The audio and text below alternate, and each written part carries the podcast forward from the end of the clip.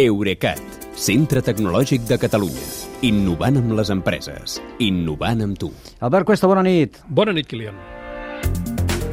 Ara que el Barça ha confirmat que tindrà Spotify com a patrocinador principal dels dos equips de futbol, ens vols explicar quin benefici n'espera treure l'empresa, eh? En una paraula, Àsia. Ah, sí? Àsia. Sí, sí Àsia. Uh, Spotify encara és la primera plataforma mundial de streaming de música, seguida a molta distància per Apple Music, però té un 30% de quota del mercat mundial i això és menys del que tenia fa només un parell d'anys. Uh, Spotify uh, té 40, 400 milions d'usuaris gratuïts i 180 milions d'abonats de pagament, però un 40% d'aquests som a Europa i un altre 25% als Estats Units. I el seu futur, per tant, està en fer créixer aquest 35% de clients d'altres països. I aquí és on li convé vincular-se a una gran marca d'entreteniment, que és el Barça, que sí que té un abast global i, sobretot, eh, en un mercat tan lucratiu com l'asiàtic.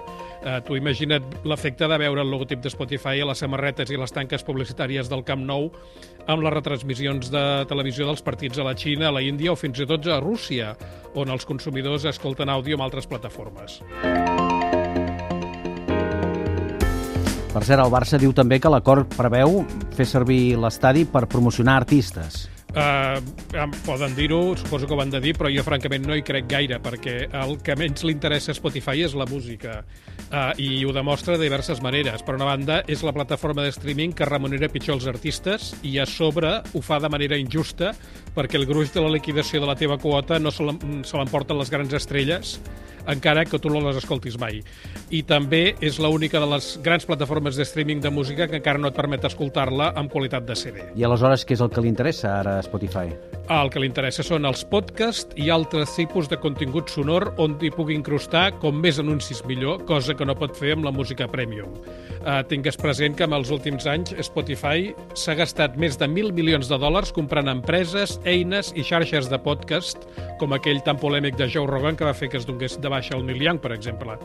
En aquesta quantitat eh, també s'ha d'incloure la compra de Locker Room, que és un servei de xats d'àudio a l'estil de Clubhouse o de Twitter Spaces, però en aquest cas centrat en els esports, o sigui que podem donar per segur que aviat hi haurà Spotify, podcasts exclusius amb jugadors o tècnics o directius del Barça i mm. debats en directe amb àudio abans i després dels partits. I ara la gran pregunta que t'hem de fer sí o sí.